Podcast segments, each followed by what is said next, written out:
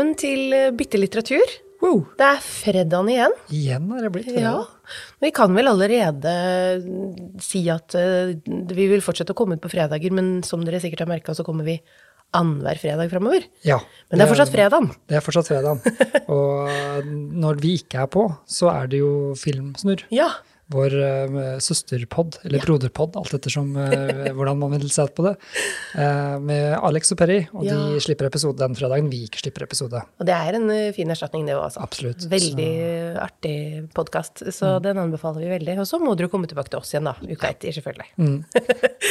altså, vi kan jo bare fortelle kort at eh, det er litt for å kapasitet. Vi må, vi må rett og slett nå over de andre delene av jobben vår også, selv om vi gjerne skulle sittet her og jazza hele tiden. Det har vært fint å jazze hver uke. og- Ja. og så er det som dere kan muligens se, hvis det her nå kommer ut på tape, sånn som vi har tenkt, eh, noen klipp, så Hei sann.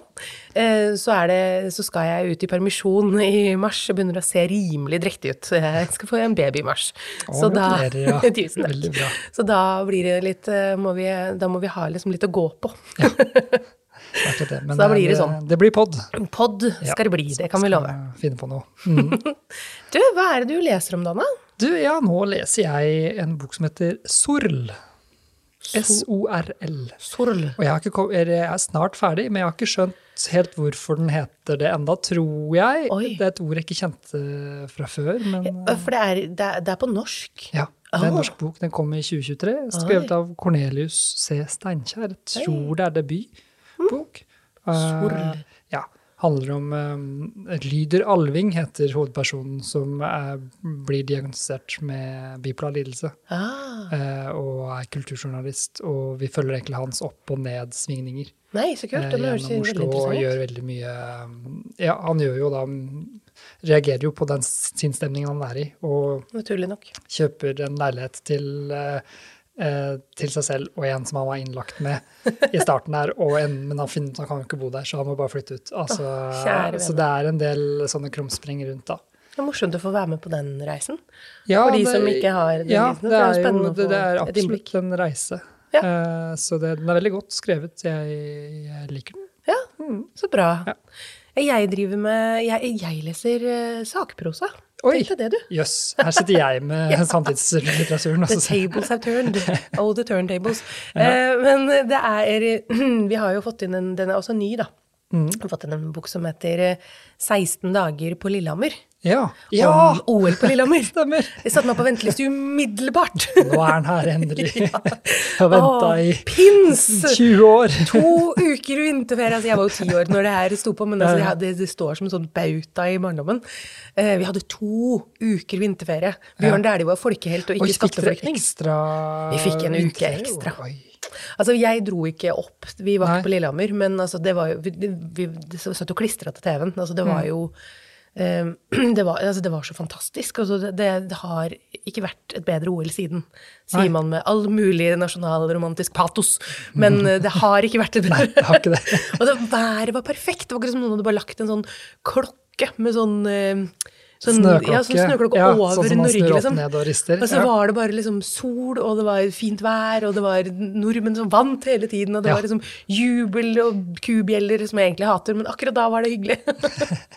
så det var Nei, så det er så morsomt å bare få lov til å mimre. Nå har de komprimert alle tingene i en bok. Ja, en ganske tjukk bok også, det er ikke så veldig Ja, komprimert heller. nettopp. Men det var sånn når jeg bare bladde tilfeldig opp og så liksom en hel side med pins, så var det sånn åh, Det, yes, dette er jo barndommen pinsene. Ja. Samla på pins, ja. Ja, er Og veldig- Håkon og Kristin på, vet du hva, dette er ja, husker... anbefales Ja, virkelig. jeg husker Håkon og Kristin. Jeg tror jeg fikk en ting med de på. Jeg var Helt tre år da det var. Da, eh, ja, det- er jo sant. Men du fikk Jeg tipper du hadde den sparegrisen, for den hadde de aller, aller fleste. Ja. Stemmer. Det var sikkert en sånn der fireårsgave eller treårsgave. eller hva det Jeg hadde Kristin, ja. nemlig Ja. broren min hadde Håkon. Ja, Så- ja, ja. ja, stemmer. Det kommer tilbake til meg nå. Bra at det har kommet en sånn bok. Det er mye bilder òg, er det det? Ja, mye bilder. Og så er det liksom eh, Det begynner liksom med han eh, Gerhard Heiberg, som jo var uh, sjefen for det hele, og liksom hele hans uh, ferd fram til dette skulle settes i gang, da. Og Sam Orange, som ikke var så veldig populær, han IOC-sjefen. Ja, stemmer. Ah, nei, det var Det dramaet fikk jo ikke jeg så mye med meg da jeg var liten. Nei. Men jeg har jo fått det med meg i ettertid. Uh, Men det var veldig gøy å liksom få sette seg inn i det som voksen. Mm. For jeg husker jo bare, som sier, liksom norske flagget og det jo Ulvang og sånn. Ja. Eh, og Smirre fra Kasakhstan. Å ja. Eh, Vladimir Smirnov, han eh, gikk for ja. Kasakhstan. Smirre, vet du. Nor Norgesvennen Smirre.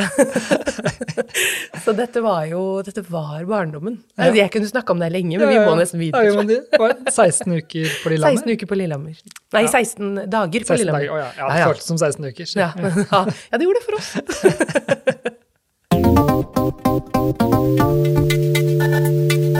Er klart for litt betraktninger. Eh, Det det. Såkalt uh, ukens betraktning er nå toukersbetraktningen. Ja. Det må jo navne om spalten si, ja. Eh, Enda mer å preke om, si. Ja. Denne gangen har jeg tatt med meg noe. Ja. Det var I forrige episode så hadde jo jeg glemt det. Eh, Det er veldig bra jobba, Torbjørn. så, eh, så jeg vet ikke, vil du at jeg skal starte? Men, Veldig gjerne. Ja. Vi har, og det, det spinner jo inn på ting Det er tilbakevendende tematikk. Ja. Eh, det er, vi skal til KI-land Ja. igjen. Ja, Rett på KI-toget igjen. For det er eh, Jeg leste Erlend Lo hadde skrevet et innlegg i Trondheim-avisen. Eller, ja. ja den- nå husker jeg ikke helt hva den heter, det burde jeg ha skrevet opp, men ja. Trondheim. Ja. Ja. de har en haug med sånn Det er Trønderavisa, og så har du Adressa. Det var så- kanskje Adresseavisa. Ja. ja. ikke- Ikke, eh, ikke siter meg på det, men det, det jeg har skrevet opp, er det han sier. Ja! Eh, Som jo er det mest Ja, interessante. og han snakker jo om, eh, om liksom eh, om kunstig intelligens som da den der frykten for at det skal erstatte alle kreative yrker, og han bare sier Ja. slapp av, det, altså de når oss ikke til knærne engang. Altså, og, og at hva han sier, man lager kunst som en reaksjon på noe, og det er noe som coin aldri kan gjøre, da. Og at den kan Fordi noe som har vært utsagt, må formuleres hvis man skal klare å leve videre, skriver han. Ingen malte som Pablo Picasso før Picasso, men alle, inkludert KI, kan naturligvis herme etter ham Ja. nå. Eh, så det er jo deilig når man har fått den tiden med KI og chat Ja. GPT og alt det, at vi nå på en måte Det har jo ikke blitt en sånn De har jo ikke blitt arbeidsledige, disse forfatterne. Nei, de har ikke det.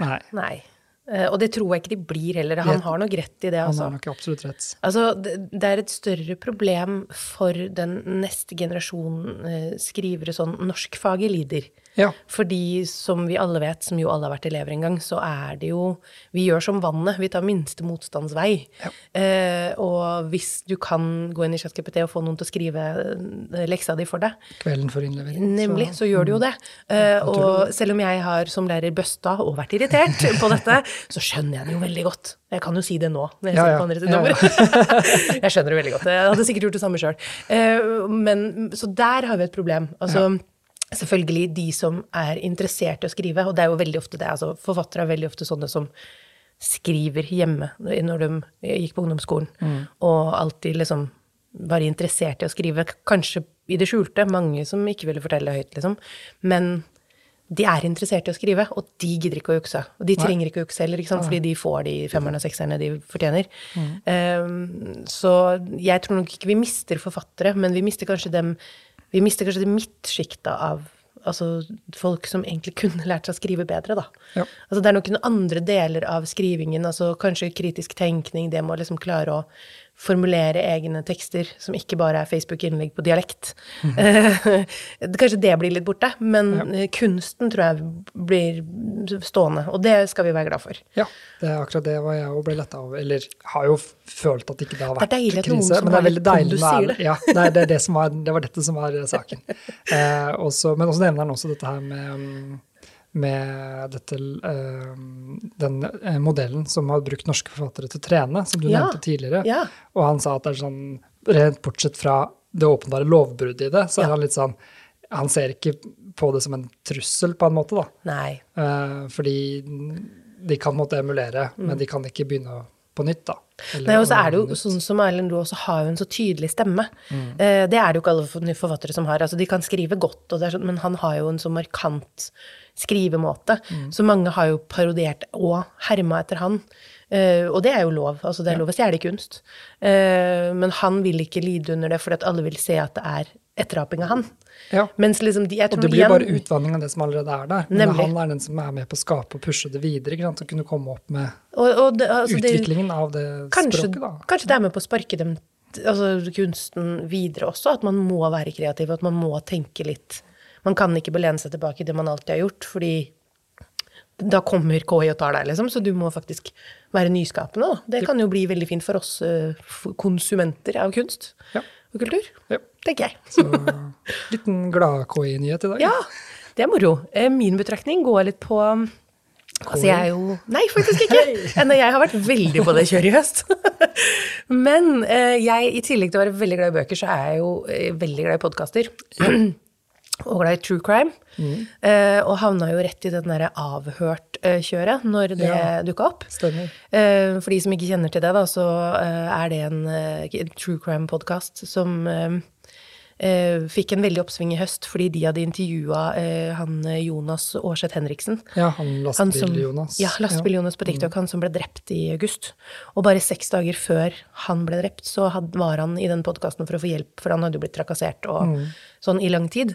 Eh, og så bare dager etter at han eh, døde, og vi fikk vite at han var blitt drept, så la de jo ut en podkastepisode med klipp fra han som fortalte da, om mm. trakasseringen og sånn. Eh, og kikkeren i meg ble jo kjempegira, selvfølgelig. Eh, og inn og, inn og lytta eh, med en gang. Og jeg var jo ikke aleine om det. Nei. Så de skøyt jo i været. Det ble jo Norges største podkast på Ja. sånn.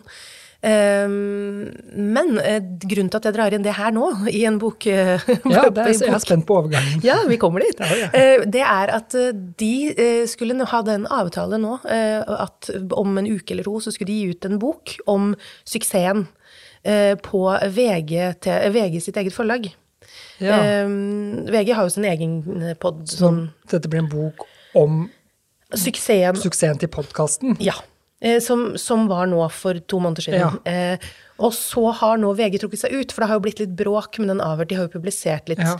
ting. De har snakka Det er fortsatt en pågående etterforskning, er det ikke det? Jo, det er en pågående etterforskning. Og de har jo, politiet har jo sagt at de har grepet inn såpass at de har måttet pågripe mistenkte før, fordi de har visst at avhørt har snakka med dem og sånn. Ja.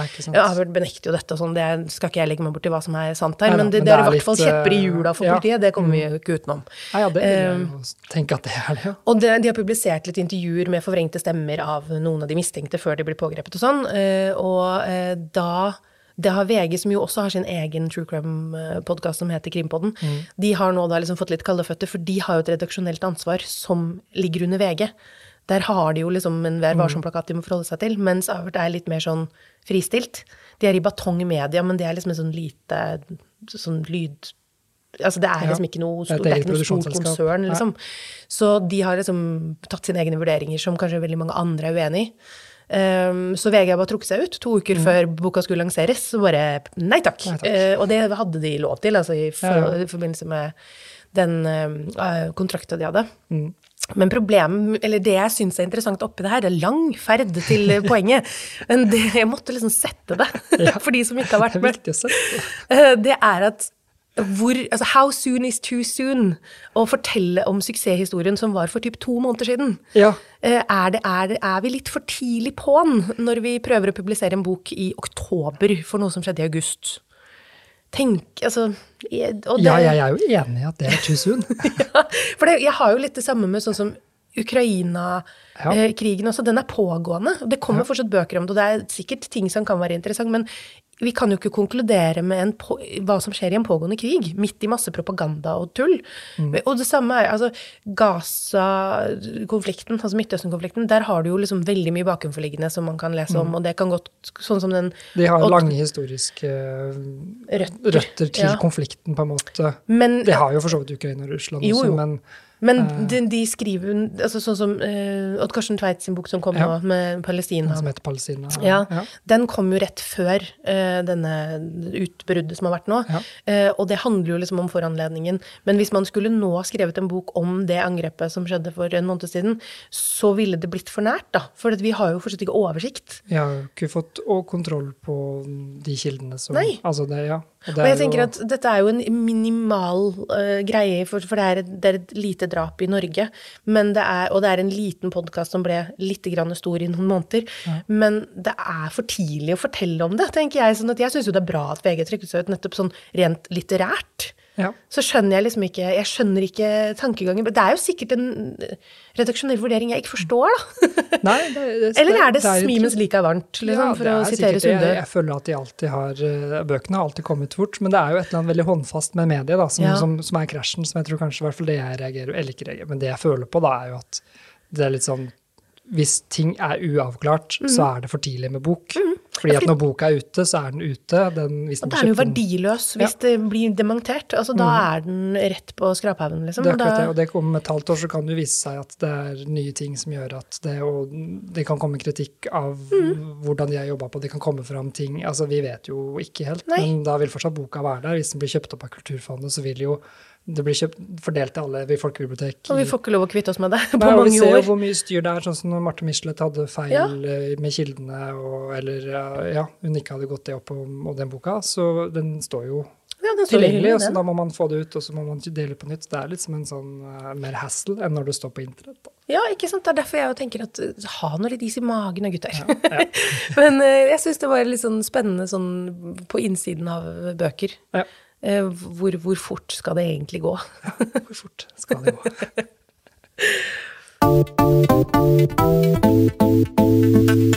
Ja, det er jeg som skal fortsette å la skravla gå. Ja, du kan godt skravle. Det, jeg husker ikke Nei, nå er det, nå er det Ja. stikkprøva. Ja, det er stikkprøve nå, ja. Ja. Ikke sant. Og da har jeg sneket meg til en eh, bok som er eh, fra i år. Kom, Ja. kom i, nå i høst. Av Camilla Danielsen, som heter 'Diskomus på venteværelse'. Ja, jeg har sett tittelen, ja. Jeg har vært veldig nysgjerrig på hva, Ja, den, hva den handler om. ja. Eh, Vi fikk den jo sånn kjapt presentert. Det er en veldig. Det er en veldig, bra tittel. Og så når forlaget presenterte den for oss når vi var Ja. på den der, ja, bokpresentasjonene, Mm. så sa de jo litt sånn Og hvis du ikke vet hva diskomus er, så skjønner du det fort når du leser boka. Eh, Så for oss som vet hva det er, så humra vi jo litt godt. Mm. Ikke, det, du får lese boka. Men eh, det handler om Eivor som er eh, 34 og bor alene og liksom litt sånn dead end job. Alt er litt sånn traurig. Og liksom, livet står litt på vent, da. Mm. Venter på liksom livet med mann og barn, som det står. Altså, liksom, Dette er liksom nesten et begrep.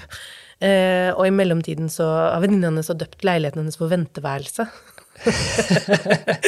så det er eh, Og Eivor har det, det, altså, Dette er liksom en bok om hele, alle hennes opp- og nedturer og litt sånn. Det er Ja. litt sånn Six in the City-bokform, Men, Ja, den har har litt den tonen. Ja, litt Ja. sånn humor. eh, altså ikke, ikke Men den, den trenger det er ikke dagbokaktig? Nei, liksom- ikke dagbok, og det er Nei. ikke sånn feel good. Det er Nei. samtidslitteratur, men Ja. det er liksom et Det treffer Så det er eh, mørkt. Ja, det er, det er litt trist.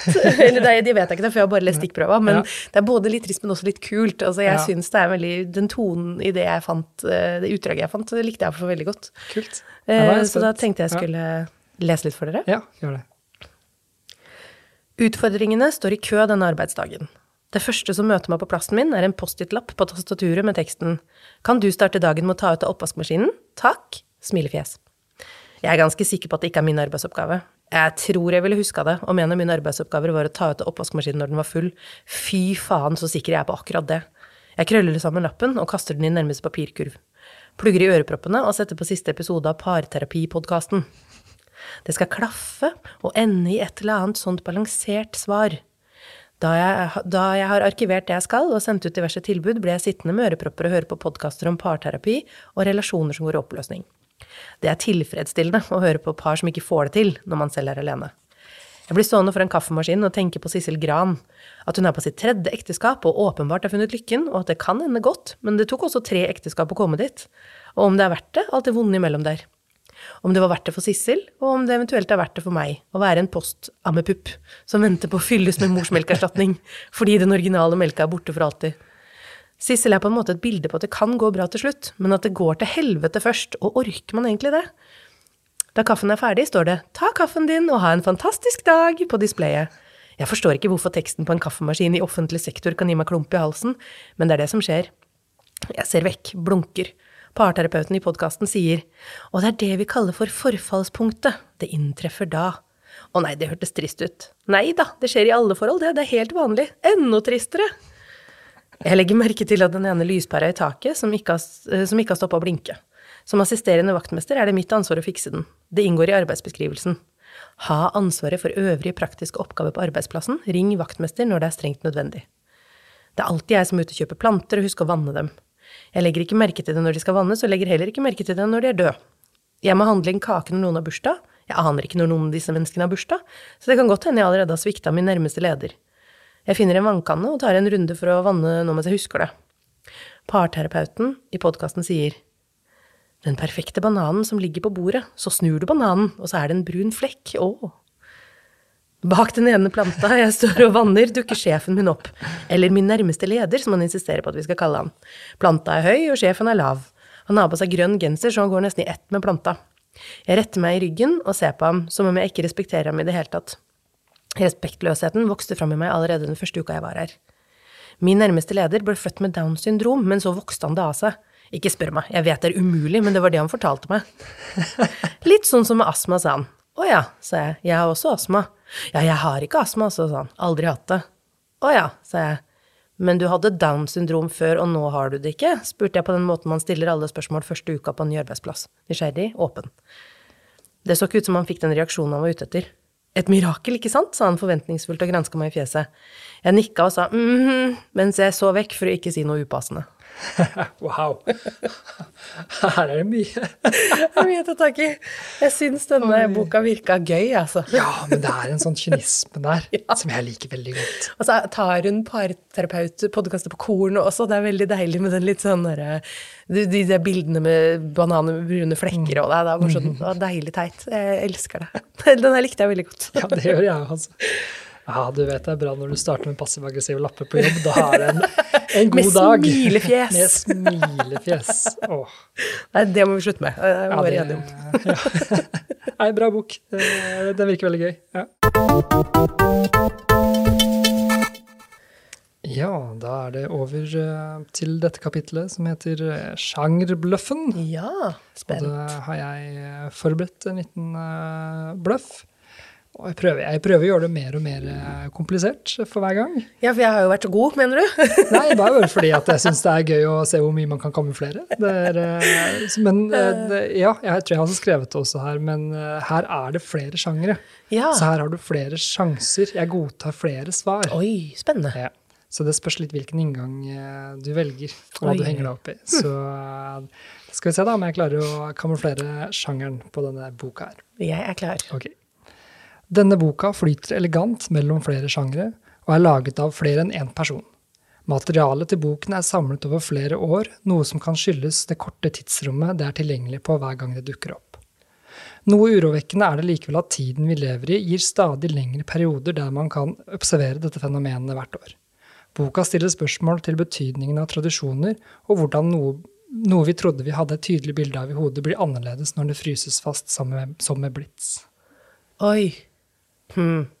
Her var det mye å ta tak i, da. Ja, det er kjøtt. Jeg fikk en sånn umiddelbar sånn kort periode den tas fram. Da tenker jeg jo jul. Mm -hmm. At det er en julebok av noe slag. Ja. Men så er jo da spørsmålet, for her har man jo mye. her kan det jo være sånne juleroser hvor det er liksom fortellinger fra jula, eller det kan ja. være hvordan brette papirkurver eh, fra 1852, liksom. Det er jo umulig å si. Um, jul, er det for vagt? Det er jo opp til deg, da. Ja. Du har noen spørsmål hvis du ja, vil. Spørsmål, Vi glemmer det noen ganger. Jeg, jeg, glemmer det hver gang. jeg. er det, altså det, det, er flere forfattere. Er det, er det norske forfattere? Ja. Ok. Hmm. Er den fra Men det er jo også det, det er ikke nødvendigvis forfattere. Å, oh, fuck. Ok, unnskyld. Laget av eh, flere enn én person. Laget av flere enn én person. Ja, da er vi over på noe Hva er det vi er over på da, da? Hva er det man driver med i jula, da? Med ba ja, kanskje med kokebok? Er det samlekokebøker? Fins det? ja, altså jeg har en samlekokebok, men det er liksom sånn en hyllest til en avdød kokk. Ja. Så det var med hennes oppskrifter. Uh, men nei, du, ja, vet du hva, vi går for det, vi. Jeg går for det. Julekokebok. Så spesifikt? Ja. det er synd. ja, det var dumt. Jeg skulle gått for julebok, ja. Det er julebok, det er julebok ja, ja, ja. Halvt poeng, da. Jeg har den med meg her. Det er, du hadde fått for julebok og du hadde fått for fotobok. Og du hadde foto. fått for dikt. Å, jeg vet jo at du er opptatt av foto, det burde jeg jo skjønt. Den heter 'Deilig er jorden' Der, eh, av eh, Helge Skodvin, som er fotograf, og Frode Gyrten har skrevet tekster til. Oh. Og det er, eh, det er rett og slett eh, Ja, tar, eh, Helge tar bilder av, av juledekor malplassert i Kjøpas kjøpesentre. kontorbygg der det kan være sånn mye som en liten pepperkakeboks i et svært sånn møterom. Det, det blir veldig sånn stilisert og veldig sånn Ja. La det begeistre. Ja. Og så er det bilde av verdens minste krans. Ja, det er akkurat det. Det er sånne småting. Og han har eh, samlet det over flere år, og det er liksom en direkte blitsen rett på, så du får liksom vaska ut alt. Ja. Det, er, det er liksom så, så tacky og taktilt Kitsch. samtidig, og kitsch og hele pakka. Og så har Frode Gutten skrevet fantastiske Ja, tekster for han er jo magisk. Ja. Så det er jo Ja, det er, det, det er en kjempefin Nei, bok, altså. Så det, den anbefaler jeg veldig. Dette er jo dette er en ypperlig sånn, sånn kalenderbok. Ta en side her, det er ikke Ja, desember. absolutt. Dette er jo kjempegøy. Eh, Og dette er jo så min humor. Ja, Å, herlig. jeg tror uh, jeg kunne tatt den på ukas anbefaling. så Ja, ja. det kunne faktisk, dette, dette, dette likte jeg veldig det, godt. ja, det er veldig Men bra. jul, det er veldig bra jobba. til jul, da. Ja, ja, du skal egentlig få et helt poeng, for du sa det jo med en gang. Jeg hadde jo håpa på at jeg skulle kamuflere det som liksom sånn klimabok. Ja. Det var det jeg prøvde på. At det liksom, tiden vi lever i, at det blir lenger og lenger. Men altså, jeg hadde allerede hengt meg opp i jul når du sa at den tas fram i en kort periode. Så da var det sånn Ja, for det blir jo Altså, jeg har drukket julebrus allerede, liksom. Så vi, ja. mm. Ja, det er veldig bra. Full uh, Yes! gut reaction. Det er viktig. Deilig. Godt jobba.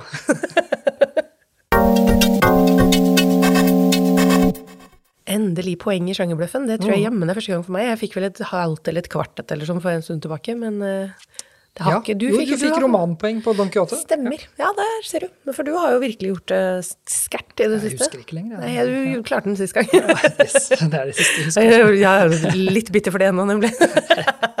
Nei da, ikke noe konkurranseinstinkt her. Nei. Jeg har tatt med meg en topp tre i dag, jeg. Topp tre, ja. Ja, vi lar eh, skravla gå, vi, vet du. Um, I dag, så, Vi har jo snakka om eh, topp tre uh, favorittklassikere. Ja, I dag skal vi i andre enden. Ok. topp tre klassikere du kan og kanskje bør styre unna. Å ja! Ja. Eller du ikke nødvendigvis trenger å lese da for å moderere meg Nei. litt. Anne. Men det, det pleier, pleier å smelle når jeg først begynner. disse kan havne litt lenger ned på lista. Ja, eller bare falle ut av lista. Ut av lista, Vi ja. snakket jo om, altså vi fikk jo lytterspørsmål forrige uke om uh, hva skal vi gjøre med lista som er så lang. Da tenker jeg ta Ja. ut de her. Ja. Kan du begynne med? Konkrete brukertips. Veldig konkret. Direkte til vår kjære lytter og dere andre da, som eventuelt måtte trenge det. Um, Ja. På tredjeplass Ja. så har jeg uh, Moby Dick ja. og Herman Melville. Eh, Herman Melville. Eh, det er rett og slett fordi Altså, den ble ikke satt pris på i sin samtid, og det er en grunn til, tenker jeg. Ja. Uh, de, i, i, I Storbritannia, når den ble gitt ut, uh, så glemte de å ta med etterordet som forteller at eh, han eh, Ishmael overlever. Og dermed så er, er Og da skjønte de ingenting, og de bare Nei, altså, Står det et etterord? ja. For det fortelleren er jo med på hele historien, så Ja. etterordet forteller om at han overlevde, for ellers så dør jo ja, han. det, liksom, det virker som en sånn fotnote på slutten. Ja. Ja, eh, og det hadde de glemt å oversette, eller å ta med, da. Eh, Og dermed så skjønte nei. jo ingen av britene Å, noen ting. Og da fikk jo kjempekritikk. altså, den, det hjelper ikke å ha med epilogen, eller for min del, altså. Den, den, jeg vet at det liksom skal være et bilde på det amerikanske samfunnet, og at liksom den der hvalen som sluker alle, er liksom den amerikanske drømmen. Men altså, det er eh, Altså, den lever i popkulturell referanse, og det holder. Du, trenger, du, du trenger ikke vite noe mer enn liksom jeg, er, jeg heter Ishmael, og så at det er en hval. så du trenger ikke. Den er, den er veldig kjedelig. Ja. Dropp det. Det morsomste med den er jo at uh, kaffekjeden Starbucks er kalt opp etter han styrmannen på den båten, det skipet Ahab, Pequod. Ja, han heter Starbuck. Han, eh, Gjør han det? Ja! Så Starbucks er kalt opp etter, etter styrmannen på Pequod. Det er litt gøy. Ja, det, det ble fascinert. Jeg tenkte at det var veldig amerikansk med stjerner og penger. Er det, liksom, det er det vi skal sikte på? Nei, Ja, nei, altså det, det passer jo fint. Ja, ja. Eh, Men eh, nei, det var eh, det, Og det syns jeg jo var en fiffig liten fun fact, men det er ca. det du trenger å vite. Ja.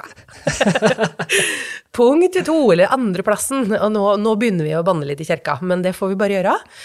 Um, Markens grøde. Oi! Av Knut Hamsun. Brannfakkel? Ja, ja, ja. Og det skal brenne mer. Men du, vet hva, det var min Ja, dette må du grunngi. Ja. Ja da, det her var min introduksjon inn til forfatterskapet, for det er en eller annen grunn Ja. så var det der jeg begynte. Ja, Du starta ikke med Victoria, sånn som mange andre pleier Nei. Jeg gjorde ikke det. Jeg fikk jo aldri liksom den i på skolen, og Nei. så skulle jeg liksom være litt sånn intellektuell og lese ja. på ungdomsskolen. Ungdomsskolen også, vet du, og Mørkensgrøde. Og altså, Ja. det er for tamt. Ja. Og jeg har jo aldri vært spesielt interessert i landbruk og sånn heller, og når da Isak Sellandrå ute i lag... Nei, nei. Nei takk. Det ble for kjedelig, rett og slett. Altså, han, altså Victoria, Pan altså, Dette er jo gode bøker. Mm. Men det, altså jeg vet den har fått nobelpris, og jeg skjønner at jeg er veldig aleine om å hate den, men den er så kjedelig. Les alt annet, Hamsun. La den ligge. Det er ikke nødvendig. Eh, Jeg lover, det er ikke nødvendig. Nå ble jeg jo intrigued. I og med at den er så altså, den, Traust og bondsk og kjedelig. For meg, da. Ja, ja, ja. Dette er jo min liste, men jeg, jeg mener det helt oppriktig. Det fins så mye annet bra å lese. Dropp den. Begynn et annet sted på Hansund. Og så, Mm. så er det sånn at jeg har jo som nevnt vært norsklærer, og det her er jo virkelig kontroversielt som tidligere norsklærer. Um, for vi skal til Ibsen, skjønner du. Og så her, ja. at, Førsteplassen min er Ibsen. Altså i utgangspunktet Ibsen, men vi skal, vi skal snevre det ned. Jeg vil bare sitere Aslak Sira Myhre, som eh, i Bok og bibliotek eh, i 2005 allerede eh, satt skikkelig Spørsmålstegn? Ja. Eller bare satte fingeren på det. Ja. For han sa det at eh, man skaper ikke felles referanser til Ibsen ved å tvinge alle tiendeklassinger til å lese Brant. Man skaper felles hat. ja. Og det er jo et Det poeng. er et godt poeng. Jeg tror man må være ganske voksen hvis man skal orke å lese Ibsen, og gidde å lese Ibsen. Eh, og hvis du absolutt må lese Ibsen, så drit i Per Gynt. Ja, nei, nå er det nå jeg skal skyte inn at jeg er totalt uh, motsatt av deg. Vær så god. Jeg leste Per Gynt da jeg var 14, Ja. og digga det. Og det er Altså, jeg har fortsatt ikke kommet gjennom eh, Det er jo på rim, det er jo er musikalsk. på rim! Per, du lyver, nei, det gjør jeg, så bann på at det er sant. Det er dette- Hvorfor bannet, vi, du tør ei. Det er fem akter på rim. Ja, ja, det er Det er fryktelig. Ja, jeg, jeg er fullstendig uenig med deg her. Dette her. Det er veldig gøy. Altså, jeg, Gå utenom, sa Bøygen. Det er dette som jeg Du kommer deg ikke gjennom. Mitt problem er jo, altså på generelt grunnlag for Ibsen, er jo at jeg syns det er personene oppstylta og kunstige. Altså, akkurat Per er litt mer levende enn de andre figurene hans, men han er jo også til gjengjeld så usympatisk. Ja. Jeg heier jo ikke på han litt engang. ja, han er en antihelt, det er jo det. Og, Ja. det, og det, det funker ikke for meg. og jeg har Altså, jeg, jeg drar nå gjerne og ser på det på gårde og sånn. Men det, er, det men det er dette som er greia med Ibsen, at det er jo dramatikk. Ja. Og det er Det bør nok eh, ses. Og det er noe annet når man skal lese det. Altså, du må, du må sette deg antagelig inn i en helt annen modus for Ja. å få det inn. Det er samme som altså, Fosse Jeg tror ikke sine stykker er nok moduset, jeg. Ja, Mosse, Fosse skriver jo også vanlig, altså Ja. ikke, ikke dramatikk, på en måte, og det er jo det som gjør hans store Eller nå er jeg ute på villspor, skal begynne å er analysere lesbar, dramatikk. i- ja. Men dramatikk er vanskeligere, da. Du skal, du skal gidde på en måte å sette deg Ja. inn i dramatikk, for da må du være i det moduset som sier 'jeg har ikke det moduset', og så blir jeg litt sliten av deg på rim. Ja. og så, altså, nei, det, den fenger meg ikke i det hele tatt. Den er for lang, den er for mye. Um, jeg har som sagt prøvd å lese den, for jeg hadde den som pensum, og jeg kan jo nevne det nå, siden det er såpass lenge siden jeg tok det studiet, at jeg leste aldri femte akt. Nei. Jeg sovna hver gang. Ja, ja, ja. Eh, men jeg, jeg, sto på eksamen da, jeg slapp å få egen, tydeligvis. Uh, så hvis dere på død Jeg vet at dette er å banne kjerka, men altså, Ibsen Nei, nei, nei. Det er ikke nødvendig, det heller. Du styr unna. Du kan godt se på det på teater hvis du snubler over det, men velg noe annet. Det er så mange gode klassikere der ute. Ibsen trenger vi ikke lenger. Ja! Vi lar den ligge litt. Ja. Bukk fra bunnen, bok fra luften, stanges i samme stund.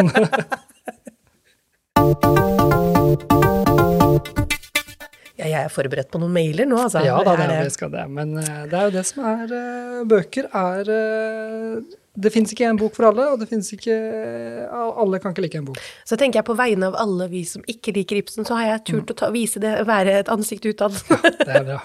får jeg heller være. Jeg får, jeg får stå i den. Det er ikke noe flaut. Yes, skal vi eh, Ja, apropos dårlige bøker, skal vi kaste en bok Ja, til, da? skal det kastes. Ja, nå skal det kastes. Vi har jo denne ukas kassering. Det er jo bøkene som flyter over i våre private bibliotek. Som vi skal finne en god grunn til å uh, bli kvitt. Rødde. Og eh, som en liten, også en liten uh, spark bak til de hjemme som kanskje har overfylt uh, bokhyller. Ja. Det er lov å rydde. Det er lov å rydde. Én bok ut, én bok inn. Eller egentlig én bok inn, én bok ut er jo Ja. prinsippet, men det er vanskelig. i Nå nærmer det seg jul, og Ja. folk ønsker seg bøker. kommer til å få Kvitt- bok til jul. Ja, kvitt Legg deg opp litt hyllemeter ledig på forhånd. Så det jeg skal kaste i dag, det er jo en slags Hva skal jeg kalle det for? En slags misforståelse ikke misforståelse, eh, eller jo, kanskje. Du skal få se den eh, med en gang. Den heter 'Digitale skiller. Utfordringer og strategier'. Oi. Ivar Frønes. Det er en, den er på fagbokforlaget, så den er skrevet eh, for studenter og forskere og den type ting. Jeg fant den I i hvilket fag er vi da? Eller hvilket Sosiologi Ah, og sånt. Sosio, han er sosio... Et eller annet, han eh, Ivar. Jeg kjenner han ikke så godt. um, Digitale skiller, utfordringer og strategier. Så grunnen til at jeg har den i bokhylla, er at den lå eh, Det var bøker som var til overs et sted jeg jobba, og så tenkte jeg at den ser veldig interessant ut, den kan jeg ta med hjem og lese. Um, og så tenkte jeg fordi at det er veldig aktuelt, da. Ja. Dette med digitalt klasseskille. At man, hvis man ikke Ja. kan logge inn på nettbanken f.eks., så du får ikke gjort noe. Altså Hvis du ikke vet hvordan min ID og alt innen funker, så er du helt lost. Og Det var ikke veldig intuitivt at digitale skiller var digitale klasseskiller, for det hadde gjort meg mer ja, men det er ikke det boka handler om. Nei vel! Så det, dette er det jeg mener med misforståelse. Jeg var veldig gira, fordi Ja. dette er interessante ting. Jeg vil gjerne vite liksom, om forskning måte, Ja. og utenforskapet og, og disse informasjonskløftene. Uh, og det er vel litt, det er det måte, den belyser, men boka er fra 2002. og det var det jeg burde ha sjekka.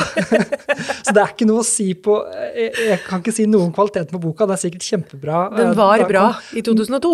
men du, når, man, når jeg tror det handler om digitale klasseskiller, og hvordan sosiale medier påvirker oss, og hvordan Altinn funker, skrevet 20 år før disse tingene helt tatt eksisterte, så kjente jeg at den boka er kanskje litt for utdatert for meg akkurat nå.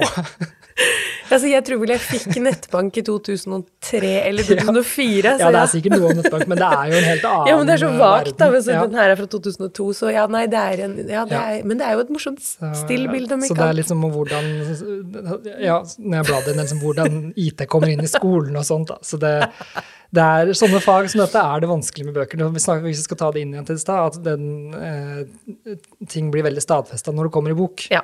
Det er liksom veldig sånn etablert, og Ja. sånn, eh, og noen ting beveger seg veldig fort, spesielt informasjonsvitenskap. Og, Og det sånt. ser vi jo med fagbøker. Ja. altså Det er jo en av grunnene til at vi har veldig lite av det her hos oss også, for det er så gjennomtrekk, og så kommer det nye utgaver hele tiden. Og det er alltid opp, det må, det må jo i bokform på et vis òg. Det- Eh, men det er akkurat nei, det, er, det må jo kasseres. Den, det må det. den må rykke, ja. Så det var, var en god intensjon.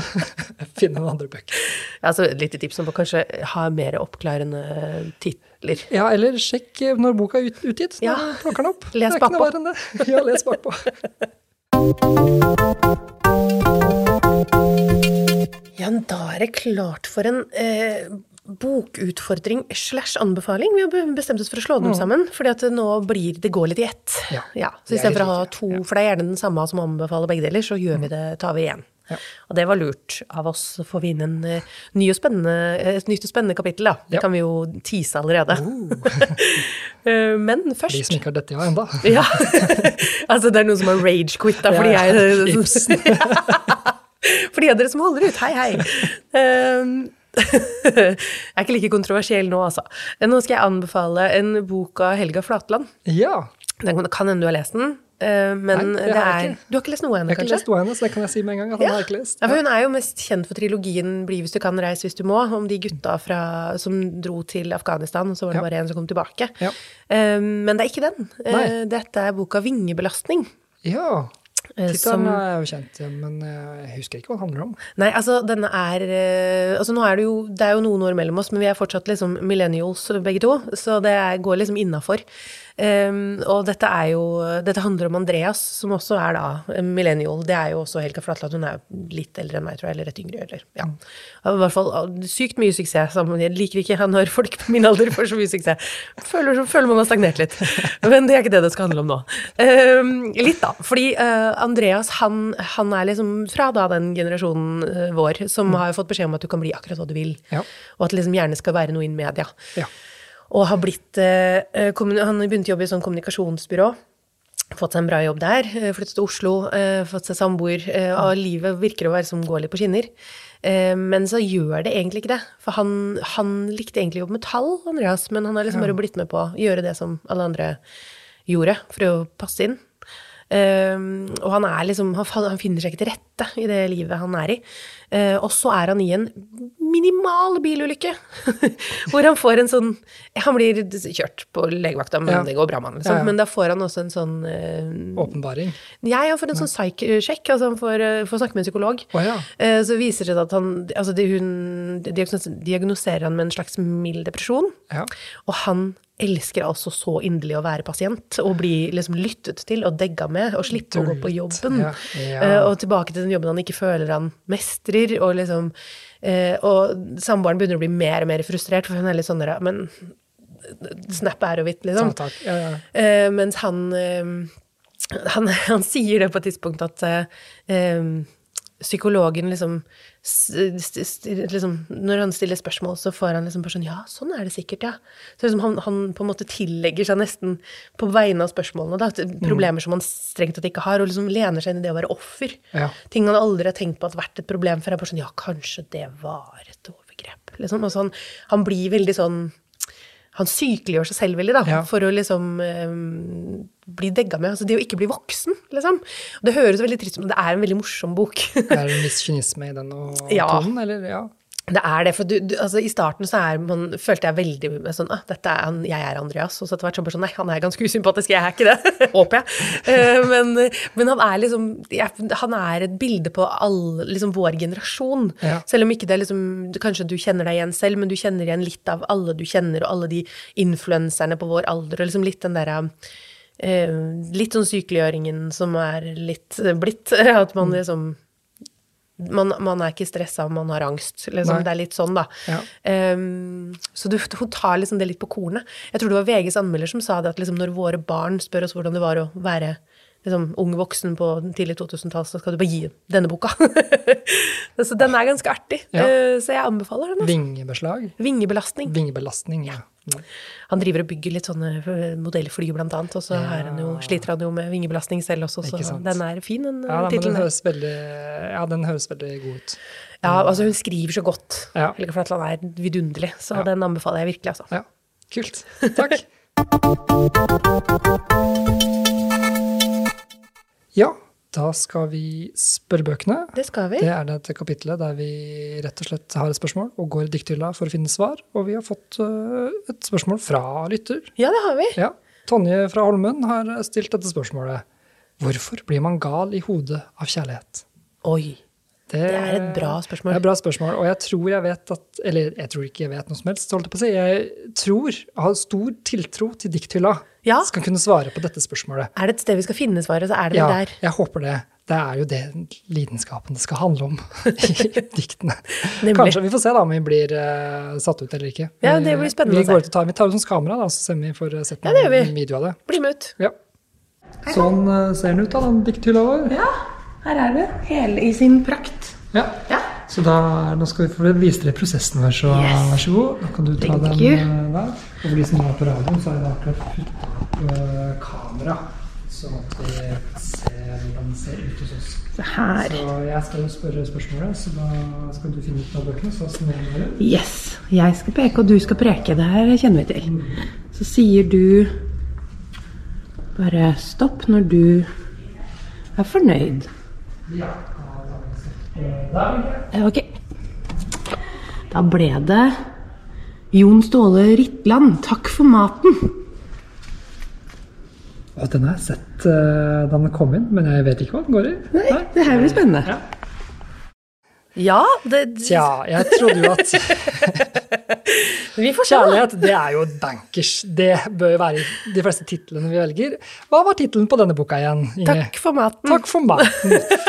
Ah, Det er sånn der et spørsmål. Hvordan skal jeg ha et godt næringsrikt eh, måltid? Da kunne vi Nei da.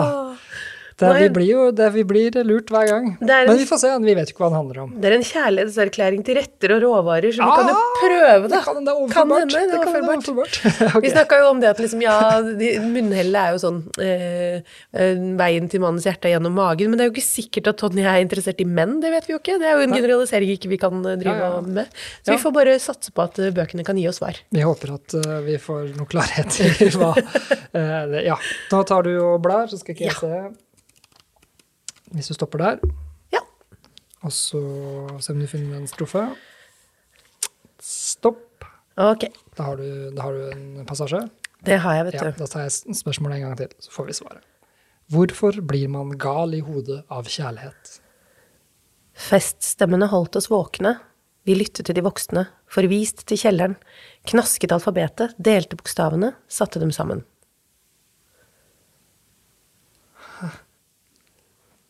Jeg kan jo røpe at diktet heter Bokstavkjeks. Ja. ja. Feststemmer holdt oss våkne, vi lytta til de voksne forvist i kjelleren, knasket alfabetet, delte bokstavene, satte dem sammen. Hmm. Det er jo noe mm, med den forbudte kjærligheten Men det blir jo ikke gal av om det ikke er forbudt. Det kan man jo bli gal av hvis man ikke får noen man Men det kan jo forklare altså, Det føles jo litt sånn når man er sånn, sånn nyforelska, at, at holdt jeg på å si, bokstavene er bare tatt fra hverandre og satt sammen på nytt i hodet. At du sliter jo med å konsentrere deg og sånn. Kanskje det er noe der? Det er bra. At ja. hjernen blir som bokstavkjeks, liksom. Ja. Det er derfor du blir gal. Du blir gal. Fordi hjernen har blitt bokstavkjeks. Som ikke klarer, som det alltid mangler den bokstaven du har lyst ja, på ja. når du skriver, og, Og som knekker så knekker dem. Ja, ja. det er noe her, altså. Ja, ja, ja, jeg tror det. Kjærligheten er som bokstavkjeks. Der Ja. har du noe. Ja. ja. Nei, denne, denne, altså, det var ikke det verste vi kunne fått. Nei, det det- Det kunne vært en hyllest til fårikål eller noe sånt. Liksom. Den skal jeg slite litt mer med. Kjærlighetserklæring og kjærlighetserklæring, ja. Nei, nei, hvorfor man blir gal, det Jeg vet at det her egentlig er litt juks, men litt, det er to strofer igjen. Kan jeg få lov å lese resten, bare sånn for å se? For jeg føler egentlig at den treffer ikke så aller verst. Okay, Ja, ja, ja, kjør på. Da tar jeg hele. ta hele diktet. Ja. Feststemmene holdt oss våkne. Vi lytta til de voksne, forvist til kjelleren, knasket alfabetet, delte bokstavene, satte dem sammen. Til nye tegn, et språk for alt vi ikke skjønte. Verden var umulig å lese, vi hadde ikke ord, derfor lagde vi nye. Det var synd at ikke vi liksom kom på den nederste Ja, delen, men altså, jeg ja, føler at dette var så kort dikt at Ja, ja, hvis vi tar med det Det er ikke noe punktum der, er det det? Det er ikke noe punktum! Nei, Vi er bare vant til å liksom plukke bare den ene Ja, ja. strofa, men nå Ja. tenkte jeg at hvis vi Jeg gløtta ned på den, så tenkte jeg nei, men hvis vi leser hele, så, Ja, ja, ja. så er det svar på et vis. Ja, ja, det, men det, du Du får et nytt språk Du i får et hodet. språk. Du blir jo gæren av sånt. Tenk at det er som hjernen din plutselig har begynt å snakke urdu, og du kan Ja. ikke urdu. Sånn Og alle rundt deg hører ikke hva du sier, men det er kjempeklart for deg, på en Ja. måte. Det er, det er jo den type galhet du er i. Altså Ja. liksom sånn der, Dette gir jo mening, men for alle andre så bare Hæ, hva skjer nå? Altså, da må vi si det. Kjærlighet gjør hjernen til bokstavkjeks. Ja. Så. Hvorfor er fordi det er blitt bokstavkjeks. Ja. ja, dette er jo bedre svar enn vi har fått på lenge, så dette likte jeg. Det hjelper å jobbe litt gjennom tolkninga.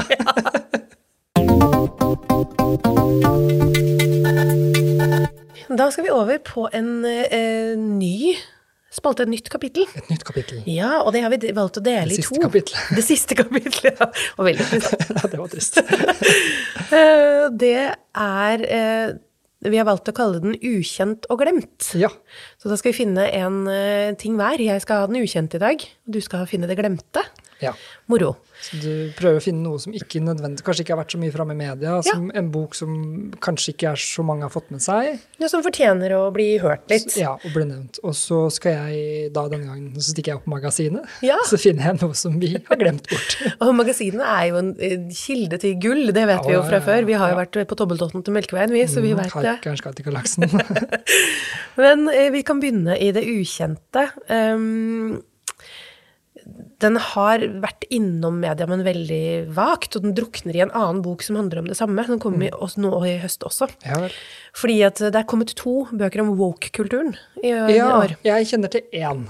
Danby Troy. Ja, til han eh, Ja. kulturredaktøren. Nemlig, i- i Subjekt. Subjekt. ja. Nemlig. Den har fått mye dekning. Den har fått mye dekning. Og han, eh, han, hvis han ikke får overskrifter, så tar han dem jo. Sånn Ja. at dette er jo ikke noe Han, han får annonserer i egen avis, han skamløst. Ja, det er jo opp til flere annonser. Så derfor så tenker jeg at vi skal trekke fram den andre woke-boka, som Ja, er skrevet Nei, nemlig! Det passer ukjent. Perfekt! altså, det, I'm hitting the brief her. Yes, Dette liker jeg. Du får A. Eh, Fordi eh, Lisa eh, Sohel eh, Knutsen, hun er nestleder i Minotenk, eh, som er en politisk uavhengig tankesmie med Ja. sånn fokus på minoritetsspråklige eh, temaer og sånn, for de som ikke vet det. Hun har også skrevet en bok som heter Woke, kulturkrig, kansellering og identitetspolitikk. Ja. Eh, og hun sier jo det at woke-debatten den blir ofte tilspissa og lite konstruktiv, og det kan jo på en måte den andre boka vise til. Fordi at eh, kritikken Danby Choi har til samfunnet, er jo nettopp at liksom det er for mye kansellering og for mye woke, og så blir han veldig kontroversiell i, i både eksemplene og hva han um, trekker fram. ja. Heter ikke boka hans 'Kanseller meg hvis du Jo. tør eller kan'? Ja, det er 'Kanseller meg hvis du kan', eller- eller noe sånt, ja. tror jeg. Så den, den er jo liksom, den kommer ut guns a blazing, og Ja. liksom er på en måte akkurat det hun sier, da. Den er tilspissa og, og liksom jeg står på barrikadene, så hun går litt tilbake i historien og trekker linjene fra bruken av woke fra 1930-åras USA. Ja, og hvordan, det, hvordan det fenomenet nå da blir forstått i vår tid. Eh, Og undersøker betydningen av begrepene kulturkrig, kansellering, identitetspolitikk, og hvordan det liksom har kommet til uttrykk i samfunnet, da. Ja. Så hun eh, spør også litt om endringen av bruken av ordet woke, fordi det betyr jo egentlig bare oppvåkning, og det å liksom være årvåken for rasisme, for eksempel, da. Ja. Eller trakassering, altså at man skal Ja. liksom begrense det å tråkke på andre. Altså bare være grei, liksom. Det er kardemommeloven, egentlig. Men eh, så har det nå blitt en sånn derre um, et skjellsord. Ja. Og liksom, du er skikkelig woke, liksom. Så det blir en høyre mot venstre side som står og brøler til hverandre. Å være anti-woke er liksom kult og sånn. Ja. Eh, og dermed så vil hun, hun skriver nærmest liksom en fagbok om bakgrunnen for woke. Da. Hun tar ikke stilling, eh, hun skriver rett og slett om vet, Lurer du på hva woke er, og hvorfor vi er kommet dit vi er nå? Ja. Eh, og hvorfor det har blitt så liksom steile fronter? Her er bakgrunnen. Og den har drukna litt i den kontroversielle brøleboka til Danby Choi. Ja. Og det syns jeg er litt urettferdig. De to burde jo på en måte vært likestilt. ja, eh, og om sånn ikke, altså de, de Ja. burde liksom, fordi de dekker hver sin side på et vis. Ja. Da, for hun som på en måte Minotenk ligger jo greit forankra på venstresiden. Ja. Eh, Det er, og Dan Bichoy er vel lent litt mer til høyre, så de Jeg ligger liksom i hver sin Nei, han, jeg vet ikke om han har bekjent seg det, men det, han, han Ja. snakker i hvert fall den siden. siden sak. Ja. Eh, Det er de som, de som er bekjenner seg til den siden, som gjerne er enig med han. Så dermed så blir det liksom Jeg skulle gjerne sett at begge to ble løfta frem, men hun er ikke en like sterk stemme, og hun tar ikke like mye plass som Dan Bichoy gjør. Og hvis hun den, Nå har ikke jeg lest noe av det, men hvis det er mer nyansert det hun skriver om, så er det vanskeligere å få til overskrifter. Nemlig. Og da, da selger de ikke Sånn tabloid, er vet du. det dessverre. Men, Men jeg ja. syns at eh, vi skal eh, Vi skal, Vi skal slå et slag for eh, den. slå et slag for den Mm. boka. Hun skal Ja. få plass, Ja. og da får hun det hos oss. ja. Kult. Ja, men det, den, den- den skal jeg nå ha igjen på radet. Ja. Det er veldig, veldig bra. Vi har den. Vi Ja. har kjøpt den inn, tror jeg. Jeg er ganske Ja. sikker på det. Så Kanskje den er ledig, og så er den andre utlånt? helt pleier å være sånn. eh, Ja, da får vi gå og låne med en gang. Ja. Kult. Ja. Nei, men eh, takk for, eh, takk for tips der. Jeg har vært på magasin og funnet uh, noe gammelt. Uh, Det er gøy. Jeg syns det er vel så morsomt, altså. Finne noe gjenglemt Uh, Oi, det var et nydelig cover da, du. Ja, og den driver og går litt fra hverandre også, hvis de som er på video, hvis vi legger ut dette. Så ja. Oi, oi. Um, det er Stanislav Lem Ja. med 'Kyberiaden'. Oi. Det er en novellesamling om uh, Han skriver en samling noveller om datamaskiner og roboter av Øst-Europas fremste science fiction-forfatter. Oi, og den er skrevet når? Ja, den, eh, jeg tror den kom ut i 65, først, 1965 første gangen. Og det, er liksom, eh, og det handler om robotene Trull og Klapphausius er blitt datamaskinens Helland og Halland. Poesien i groteskeriene har inspirert til en prisbelønt opera. Oi. Så eh, grunnen til at jeg drar den fram, er jo Jeg har jo ikke lest den, jeg skal begynne på nå. Uh, og det er annet bilde av en elektropoet på forsiden. Det lukter jo AI, og, Ja, eller KI. det gjør det. Det er liksom den type, den type romantiseringen av teknologi og framtiden som sci-fin hadde på 60-70-tallet Ja. i romkappløpene. For oss så er det liksom, nå er det liksom alt mulig. Jeg Ja. føler at det er nesten mere spennende med det som faktisk skjer, enn det man klarer å dikte opp. Ja. Men på den tida så var det veldig sånn Nå er framtiden er liksom uendelig åpen. Ja. Vi kommer til å være på Mars om fem år. Ja, og flyvende biler, og Ja, det var hele den pakka der, liksom. Akkurat det. Så det, så det er på en måte et slags eh, minne fra den tiden. da. Ja. Eh, og så er det, den er gitt ut som lanternebøker. Gyllendals lanternebøker, som var en svær serie. De hadde som science fiction-bøker. Bing og Bringsværd, masse. Stemmer. Og det var liksom Dette var for, for de som levde på den tiden. Det var, dette var det sitt, liksom. Ja, ja. Uh, har jeg forstått. Jeg har ikke hørt om den, men denne her syns jeg var veldig interessant. Altså, jeg liker jo også veldig godt, som sier, den derre eh, det å på en måte se hvordan fremtidsvisjonen var i liksom, Ja, ja. sci-fi-verdenen, og sånn, sånn er det i Den 2002. dikt- ja, liksom. diktningen, det er liksom, for det, det er så lite holdepunkt men så, med så mange muligheter, Ja. så det er, ja, det er veldig spennende. Og det er alltid litt interessant også, for jeg lurer på om eh, de som eh, på en måte utvikler, om de har lest disse bøkene og tatt ideer Og det derfra. er det, ja. Eller om, eller om det bare de er poet, eller sånn småmenn. Altså, ja. Det, jeg, har, jeg husker, jeg, jeg, jeg huske alle detaljene nå, men jeg forberedte en gang et eksempel på dette, og jeg tror det er um, uh, den elektrostønne ja. uh, Altså den um, pistolen som med elektrosjokk. ja. Den var først i en bok oh. om en eh, detektiv eller en krim Nei, som, hadde, som, som designet den sjøl, og det ble, var ideen til, til den. liksom. Altså Ja. Det ble selvfølgelig annerledes i virkeligheten. kult, ja. Eh, nå altså. husker jeg dessverre ikke tallene og alt mulig. ja. Eh, Så ta det med en liten klype salt, men jeg er ganske sikker på at det var riktig da jeg sa det på eksamen. men ja, men, men ikke sant, og det er den type undervannsdrømmen Ja. til uh, eh, Jules Verne og Ja. sånne type ting. Det har jo vært med på liksom, å inspirere de som har utviklet det på ordentlig, også at man får en drøm Ja. fordi man leser om det, og dette vil jeg lage. Det er kult. Uh, og det, og, ja, det er liksom det er, det er en tid der ting virka mulig, da. Ja, det er morsomt. Det er gøy å trekke frem. Yes. Da behøver kanskje ikke Trud Luth nå. tror ikke trenger Trud Luth når vi skal fanfare ut. Ja, vi skal ja, nå skal vi ut med brask og bram. Ja, ja. Da må vi jo bare eh, minne om da, at eh, da er vi tilbake igjen om to uker. Mm. Så da har vi gitt dere en litt, litt fyldig podkast denne gangen, da. Ja, Så her kan dere nyte. Mer, litt mer innhold mellom hver gang. Og så høres vi om to uker. Husk å sende inn tips, råd, eh, hvis du er kjempesint på meg fordi jeg ikke liker Ibsen. Kom med ris og ros, det er helt greit. Vi vil gjerne høre om det. Og da har vi også fått oss ny eh, mailadresse, så det er bibpod at fredrikstad.kommune.no. Ja, Bibpod, ingen doble konsonanter, rett fram. rett fram. Yes. Da høres vi, Rett, da. rett fram og rett hjem. ha det godt, da. Ha det! Produsert av Fredrikstad bibliotek.